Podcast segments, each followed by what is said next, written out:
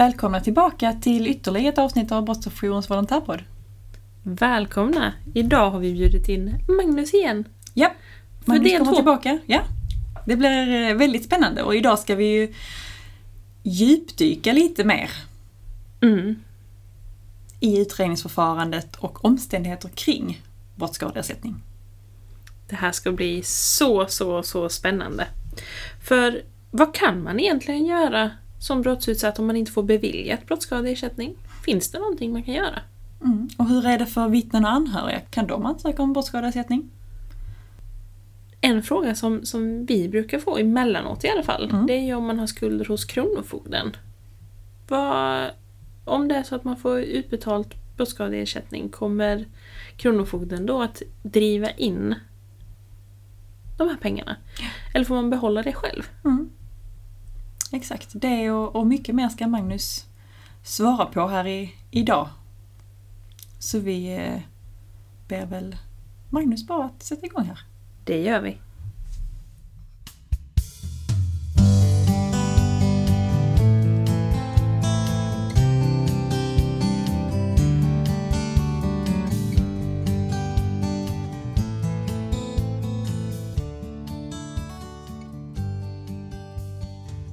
Men om det är så att eh, den brottsutsatte inte får beviljat brottsskadeersättning, vad, vad kan man göra då i en sån situation? Det beror lite grann på vad skälet till avslaget är. Jag har ju varit inne på att ibland är det ju formella brister, att man inte kommer in med eller att vi då när vi kontrollerar med Kronofogdemyndigheten, nej men här har man inte, det är inte, de är inte klara med sin utredning ännu. Eller försäkringsbolaget är inte klar med sin utredning. Ja, men då får man ju ett avslag. Men när de då är klara med sina respektive utredningar, då är det bara att komma tillbaka och så tittar vi på det då om vi kan bevilja någon ersättning. Men sen är det ju så att det inte är någon formell brist utan det är så att vi är av uppfattningen att man inte är berättigad till ersättning. Kanske för att det inte är visat med tillräcklig styrka att man har varit utsatt för brott om det inte finns en dom eller, eh, eller liknande. Och då får man ett avslag från oss och då kan man begära omprövning av det beslutet.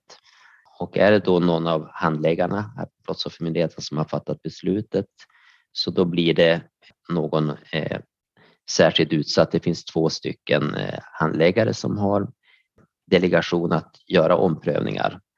Och sen så har jag som brottsskadechef också möjlighet att göra det tillsammans med Brottsoffermyndighetens general direktör som också kan vara, vara prövat. Det händer ju att jag har prövat ett ärende som, som chef för brottsskadeavdelningen och då blir det ju generaldirektören som får överpröva mitt beslut. Sen så nämnde jag ju den här nämnden för brottsskadeersättning, vårt högst beslutande organ och man har alltid möjlighet att, om man begär det, också få saken prövad av den här nämnden. Men därefter så tar det stopp så att man får ju det ärendet omprövat Eh, men inte överprövat för det är inte någon eh, domstol eller någon som eh, kan överpröva Brottsoffermyndighetens beslut.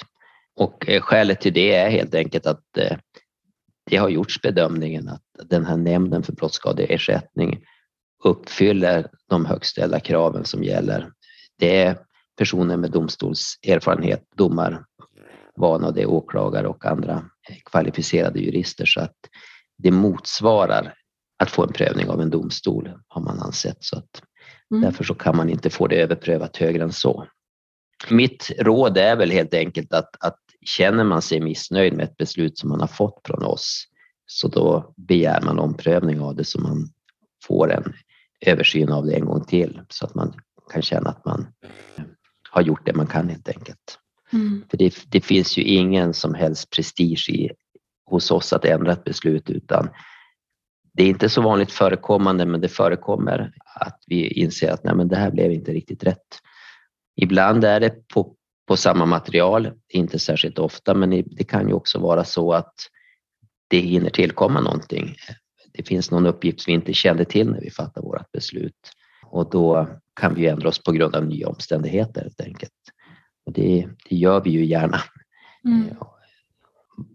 Känner man sig inte nöjd med beslutet och det inte är på formell grund, eh, bara någon formell brist, så då tycker jag att då kan man ringa och prata med oss eller så skriver man direkt och begär om omprövning av det här beslutet så får man någon annan som tittar på det. det är kanon att den möjligheten finns att kunna ompröva. Men eh, vi har varit inne på här att man som brottsutsatt kan ansöka om brottsskadeersättning. Mm. Eh, eller om man är som, som anhörig vårdnadshavare till barn så kan man ansöka för barnens räkning. Men Mm. kan man annars ansöka som vittne eller anhörig, alltså för sig själv? Man kan ju inte ansöka som om man är ett vittne med undantag då från det.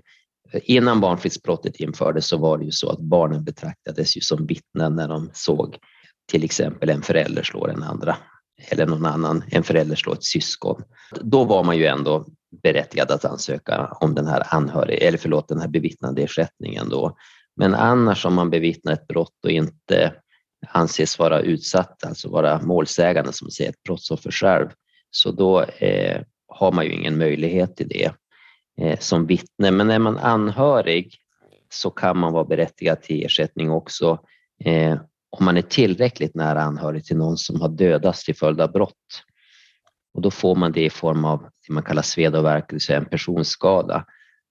Och man behöver inte inkomma med någon utredning utan man använder sig av schablonbelopp kan man säga. Det finns eh, fastställda schabloner kan man säga om vad man får om det är ett uppsåtligt dödande eller om det är ett eh, grovt oaktsamt dödande som innebär då får man ett något lägre belopp eh, än annars. Och nu kan man ju också kort nämna att, att eh, förslaget som ligger nu och klubbades igenom i 30 maj om kraftigt förhöjda ersättningar för brottsoffer. Där så fanns ju också ett avsnitt om att man ska få, kunna få en, en särskild anhörigersättning när man är anhörig till någon som dödas till följd av brott. Och den ersättningen den ses inte som en, en sved och värkersättning utan det blir en speciell ersättning. Så, så som vi har tolkat det så här långt det är ju då att man kommer att vara berättigad både till det man kunde få tidigare i form av sved och värk men också då den här nya så kallade an- anhörigersättningen. Så att det, det kommer att bli högre summor man kommer att vara berättigad till sannolikt då från och med halvårsskiftet 2022. Som Mm. nu, nu bara om några veckor helt enkelt. I slutändan när det gäller alla de här ersättningarna, de här förhöjda nivåerna som jag har nämnt som förväntas då träda i kraft den första juli så, så är det ju våran praxis på Brottsoffermyndigheten och framförallt domstolarnas praxis som kommer att få visa vad, hur mycket eh, större de här summorna kommer att bli för, för kränkningsersättning är det då som man tittar på. Mm. Så att det, det får, tiden får utvisa hur, hur mycket högre ersättningar men, men man kan förvänta sig ordentligt mycket högre ersättningar i framtiden. Det välkomnar vi verk- verkligen. Mm. Det gör vi.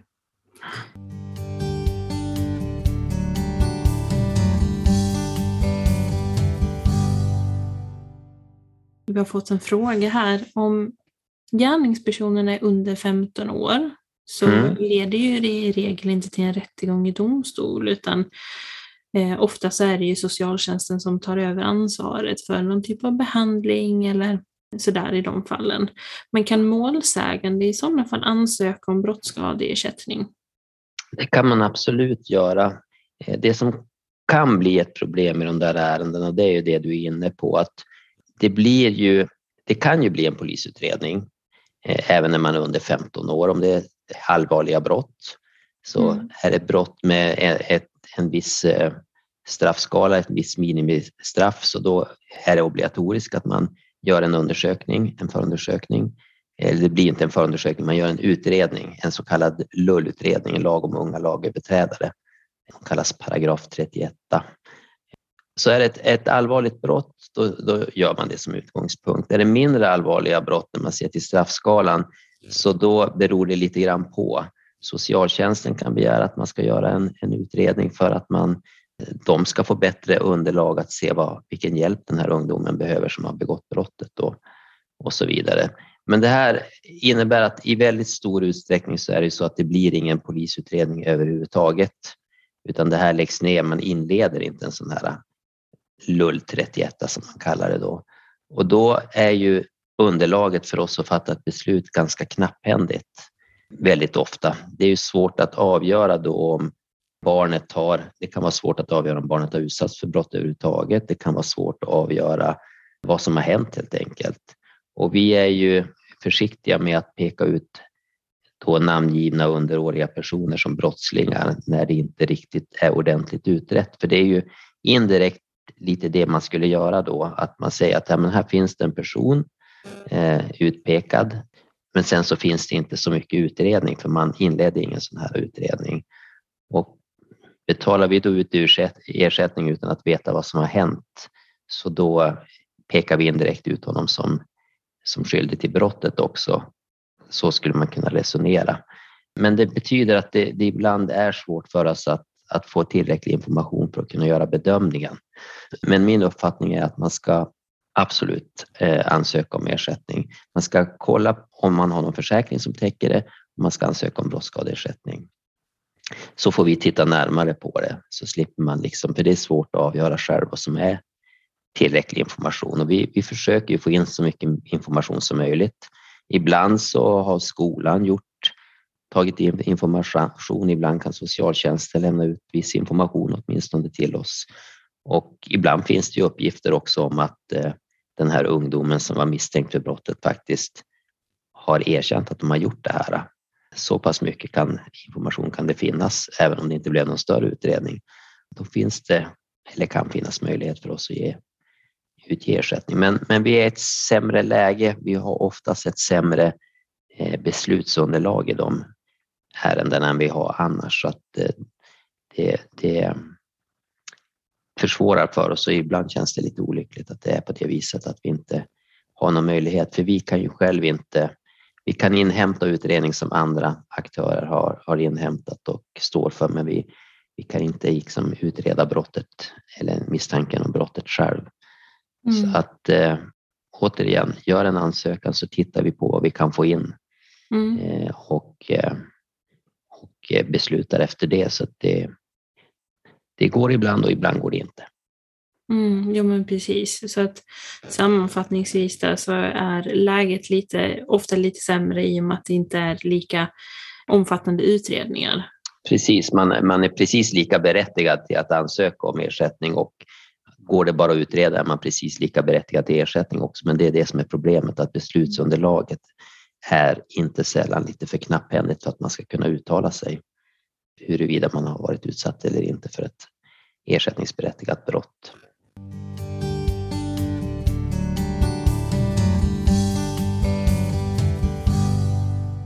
Och vi är på Brottsofferjouren, vi har ju både stödpersoner och vittnesstöd och stödpersonerna kommer ju ofta i kontakt med brottsutsatta eh, vars förundersökning har lagts ner och att vittnesstöd kommer i kontakt med målsäganden som troligtvis inväntar en fällande dom efter en tingsrättsförhandling.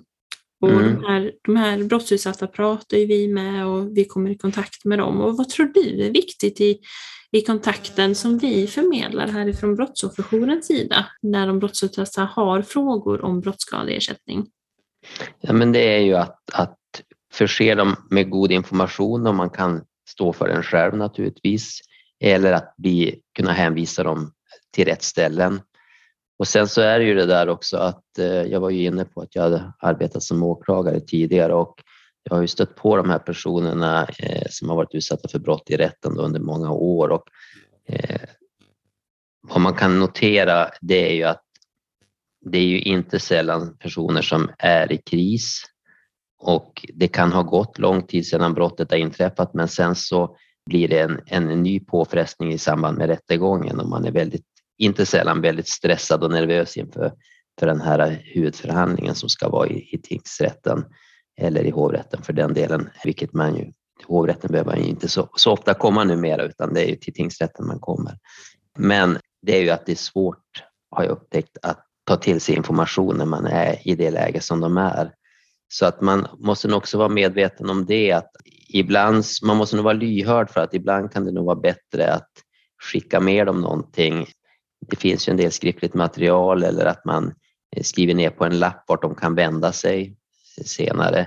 För jag har ju märkt att den här informationen om vad som ska hända nu, jag har ju suttit med där inne så jag kan ju ibland veta då att ja, men här blev det en fällande dom för man avkunnade domen direkt, så jag vet det. Men då är det ju det här med att då måste man vänta in att domen vinner laga kraft. Man har tre veckor på sig att klaga.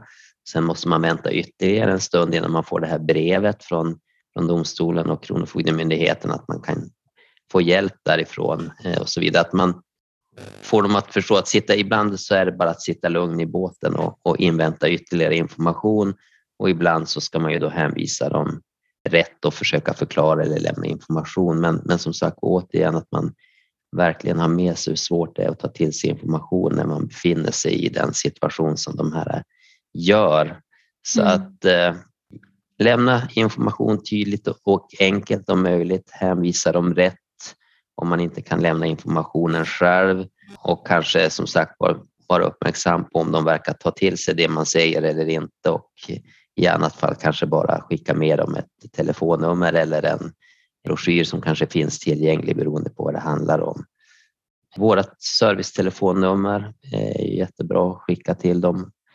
Och som sagt var, men det är också det här att det är ganska ofta som jag märker att, att den information jag lämnar inte riktigt landar hos personen. Och då brukar jag skriva en lapp med mitt telefonnummer till dem när jag på den tiden att ring mig när du kommer hem och har lugnat ner dig eller på några dagar om du har några frågor. Och, och lite samma sak tänker jag att det är lämpligt för att man ger dem ett telefonnummer eller ett, eh, en broschyr vart de kan vända sig om man märker att det, det här går inte in just idag. Men det är, det är jättesvårt att avgöra. Det kan ju vara personer som känns helt lugna och, och tar till sig men stressen syns inte utanpå utan det går bara inte in. Så att information, hänvisa rätt, lugnt och sansat. Mm. Superbra åter, återupprepa också eller ge dem chans att, att få den på nytt eh, från någon annan person eller från en själv om det är möjligt eh, vid ett senare tillfälle. Superbra tips. Men om det är så att man som brottsutsatt har skulder hos Kronofogden, får den mm. brottsutsatta ändå behålla brottsskadeersättningen eller ska de här medlen användas för att betala av den skulden hos Kronofogden? Alltså ersättning till följd av brotten är normalt sett fredad från utmätning, men har man skulder till till exempel Brottsoffermyndigheten, det kan ju vara så att eh, vi ser ju ibland att man har blivit utsatt för brott, men man kan också ha skulder till oss på grund av att man har utsatt andra för brott. Och då har vi fått en möjlighet att kvitta dem så att vi behöver liksom inte betala ut utan vi kan göra ett avdrag helt enkelt om man har en skuld till oss och är berättigad till ett högre belopp som brottsoffer så kan vi göra ett avdrag. Eller är det så att man har en större skuld till oss än, än det man är berättigad till att få, ja då får man ingenting utan då gör vi, kan vi avräkna det beloppet. Men normalt sett så är den här typen av ersättning fredad från utmätning eftersom den är av en sån speciell karaktär och man får den för någonting, ja, men något traumatiskt man har varit utsatt för. Så att, men vi har möjlighet att avräkna det och gör så också mm. i en del fall. Eller där det är möjligt ska jag säga, för vi har ju skyldighet att göra det. Det är ju superbra att veta. Men vad skulle du säga är svårast i handläggningen av ärenden om ansökan om brottsskadeersättning? Nej, men, eh, jag tycker att det, som inte, det finns många saker som emellanåt inte känns bra, men en av de här är ju det som vi kanske var inne lite grann på, att eh, särskilt när det gäller unga personer, unga lagöverträdare, det är en sak att när vi inte har möjlighet att lämna ersättning på grund av bristande utredningsunderlag som varken vi eller kanske sökanden rår över. Och det, är egentligen inte, det betyder inte att det är någon som har gjort fel eller för lite utan det, ibland saknas det lagliga möjligheter och förutsättningar för att, att komma vidare med att liksom, man har den här känslan att det här inte är utrett i botten. Liksom. Det är inte, allting är, är inte gjort men ibland är det inte möjligt att göra det heller enligt de förutsättningar som finns. Så det är naturligtvis lite frustrerande när det är på det viset. En annan sak som är svår i handläggningen det är ju just det faktum att vi inser ju hur otroligt många människor som är utsatta för brott eller drabbade av brott som inte är direkta brottsoffer som vi inte heller kan ersätta. Och allra mest känns det naturligtvis när det är skyddslösa barn som utsätts utan egen förskyllan.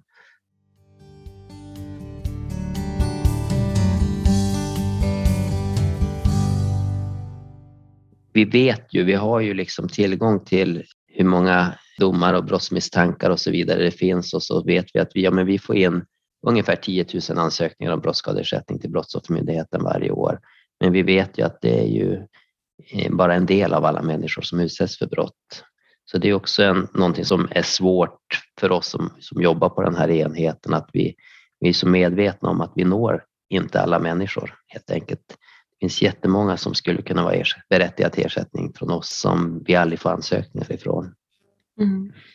Så att det är egentligen inte så stora problem i den, några tekniska problem eller hur jag ska uttrycka det när det gäller handläggningen, utan det är upplever svårast för oss som jobbar på den här enheten, det är just det här att det är så många människor det handlar om som, som är utsatt för sånt här och kunskapen om att det är många fler än de som kommer till oss som skulle kunna vara berättigade till ersättning. Och det är en frustration i att vi inte, inte når och kan hjälpa alla de här personerna. Mm. Ja, det är nästan ogreppbart hur många det faktiskt är och berörs. Mm. mm. Men eh, vi hoppas ju också att ja, men nu med de här förväntade kraftiga höjda ersättningsnivåerna så, eh, så räknar ju vi med att jag menar, redan av den anledningen få betala ut mer ersättning. Men vi hoppas ju också att det kan nog vara så att några personer som faktiskt är medvetna om att de är berättigade till ersättning men eh, beloppen kanske inte är så stora att de kanske inte orkar eller tycker det är värt jobbet.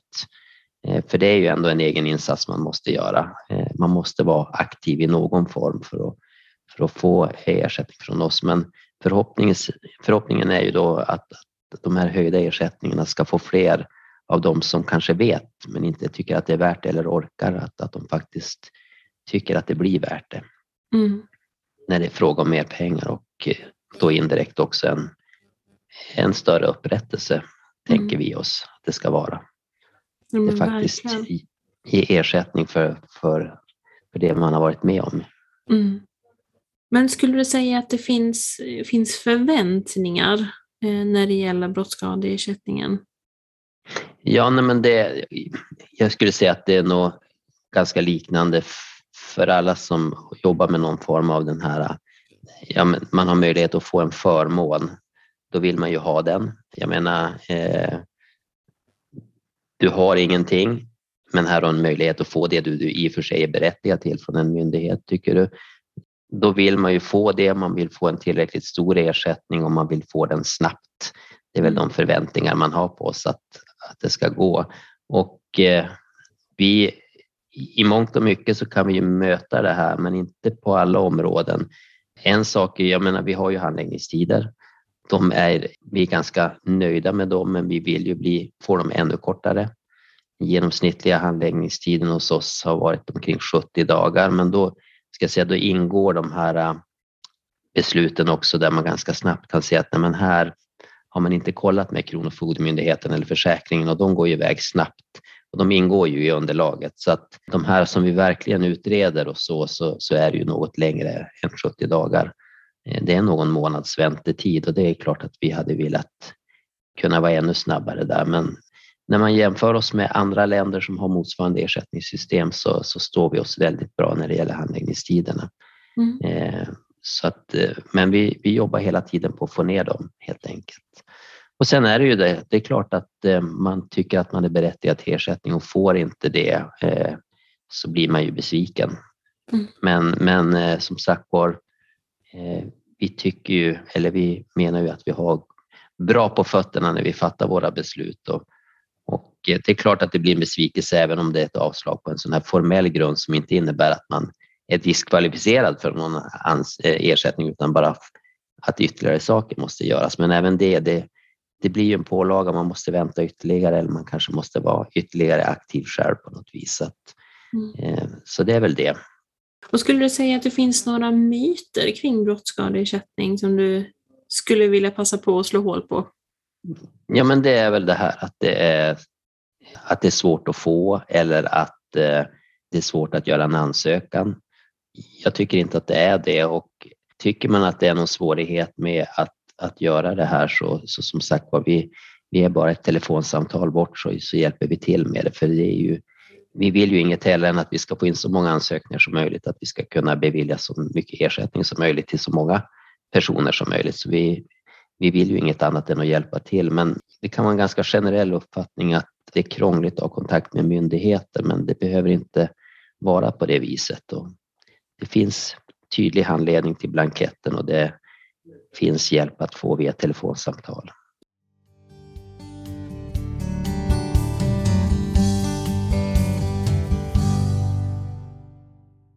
Vad är det bästa med, med ditt jobb på Brottsoffermyndigheten? Ja, men det är ju att man ändå får vara en del i att, att ge brottsoffer någon form av upprättelse. Eh, jag menar, pengar är ju inte allt, långt ifrån det, men, men att få ekonomisk upprättelse, att, att man blir tagen på allvar och att man får en, en ersättning för det också, det har stor betydelse. Och eh, därför är vi också så himla glada att, att det nu förväntas bli kraftigt ökade ersättningar, för det, det är också en del i den här utredningen att, att, att man ska få en faktisk upprättelse. Och då går det inte att bortse från att storleken på ersättningen spelar roll för hur den upplevda upprättelsen också blir. Mm. Så att det, det, känns väldigt bra att, att få vara med där. Men sen så känns det också väldigt bra att, att vi och Brottsoffermyndigheten är en sån viktig del i att utveckla praxis på området. Det är ganska ofta vi går före. Det är inte så länge sedan som Brottsoffermyndigheten kraftigt höjde ersättningsnivåerna för kränkning för grov kvinnofridskränkning och grov fridskränkning. Och där man ser att domstolarna följer efter oss. Att det hade legat stilla länge och då samlade vi ihop ärenden och tog dem för våra nämnd som, som höll med och kraftigt höjde de här ersättningarna till den här typen av brottsoffer och, och så får det så kan man sen lite senare se att, att domstolarna håller med och följer, följer med det här. Och, eh, det är ett jätte, jätteviktigt jobb som vi gör, tycker vi själva i alla fall här, att vi ibland går före och ibland så är det domstolarna som går före oss och då är ingen gladare än vi om det är höjda ersättningar att, att få den möjligheten att betala ut mer pengar. Men verkligen, alltså det, är, det är fantastiskt att eh, det går emot det. Och lite anknytning till det, finns det några förutsättningar som du önskar att ni hade för att kunna genomföra ert jobb på ett ännu bättre sätt? Men det är väl eh, eh kanske framför allt det här att, att vi skulle vilja nå dem som vi inte når när det gäller brottsoffer. Att, att uppenbarligen så, så tappar vi ju en del folk på vägen. Och det är klart att det är som med all information man lämnar, det är svårt att nå alla och utforma information som, som passar alla. Men, men också det här med att det är också förmågan att ta till sig information i ett specifikt ögonblick som kan vara avgörande också. Kan, är de mottagliga vid den här tidpunkten och eh, orkar man läsa det material man har fått eh, när man precis har varit utsatt för ett brott eller har måste återuppleva det igen genom en domstolsförhandling. Vi, vi hade ju önskat att vi kunde nå alla. Och sen så är det såklart så att även om vi är relativt nöjda med och ligger väldigt bra till när det gäller våra handläggningstider så önskar vi naturligtvis hela tiden att det ska gå ännu fortare. Att det är trots allt så att brottsoffer måste ju vänta i varje steg. Det är ju så. Alltså det är en handläggningstid hos polisen. Det är en handläggningstid hos domstolen. Det är en handläggningstid hos Kronofogdemyndigheten. Det är en handläggningstid hos eh, försäkringsbolaget och det är en handläggningstid hos oss. Och tillsammans så blir det här ganska länge. Det är ju inte säkert att man kan lägga saker och ting bakom sig för att allting det här är avslutat, men jag tror att förutsättningarna för att man faktiskt ska kunna gå vidare och att det ska vara ett i någon mån avslutat kapitel, det är ju att, att allt det här är klart. Så att det, det vore ju önskvärt att man kunde kapa tiden i, i alla led helt enkelt. För tillsammans så blir det, det blir en rätt lång väntetid för de här människorna. Verkligen, det blir ju det. Och några avslutande ord här. Finns det någonting som du skulle vilja förmedla till Brottsofferjourens stödpersoner och vittnesstöd om just brottsskadeersättning? det är väl som sagt bara att, och det är ju ni, det är ju väl medveten om att, att man är hela tiden har med sig att det ofta är människor i kris och vilken förmåga de har att ta till sig information helt enkelt. Att man tar sig tiden, att man gärna är övertydlig och att man ser till att man lämnar informationen muntligt men också i möjligaste mån kanske skicka med någonting som man kan läsa för tillsammans så tror jag, jag menar en del har bättre förutsättningar att ta till sig information muntligt, andra skriftligt. En del behöver båda för att det ska sjunka in. Och som sagt under de förutsättningar man ska ta till sig den här informationen så tror jag att det är extra viktigt att man har med sig det. Mm. Och att som sagt att man förmedlar kontakter om man inte kan lämna informationen själv, hjälper dem att hamna på rätt ställe.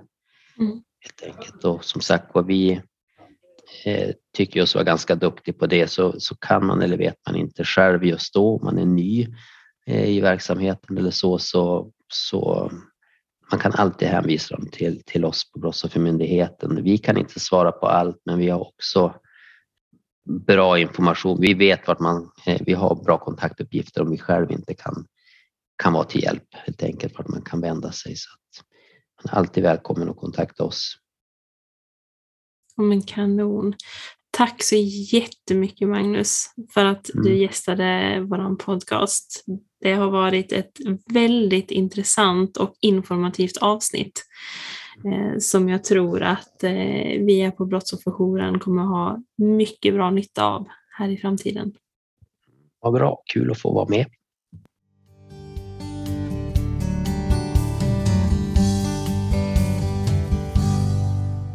Så där ja.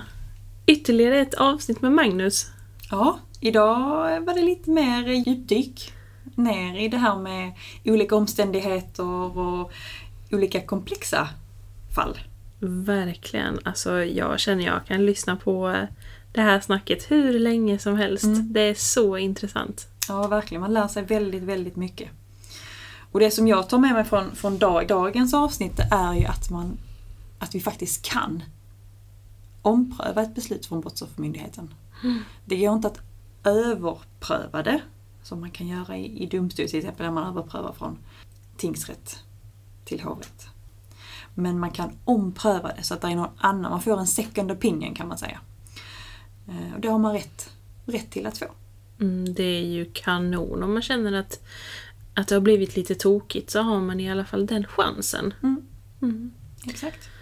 Och det jag tar med mig det är att vittnen inte kan, kan få ersättning så som det ser ut just nu.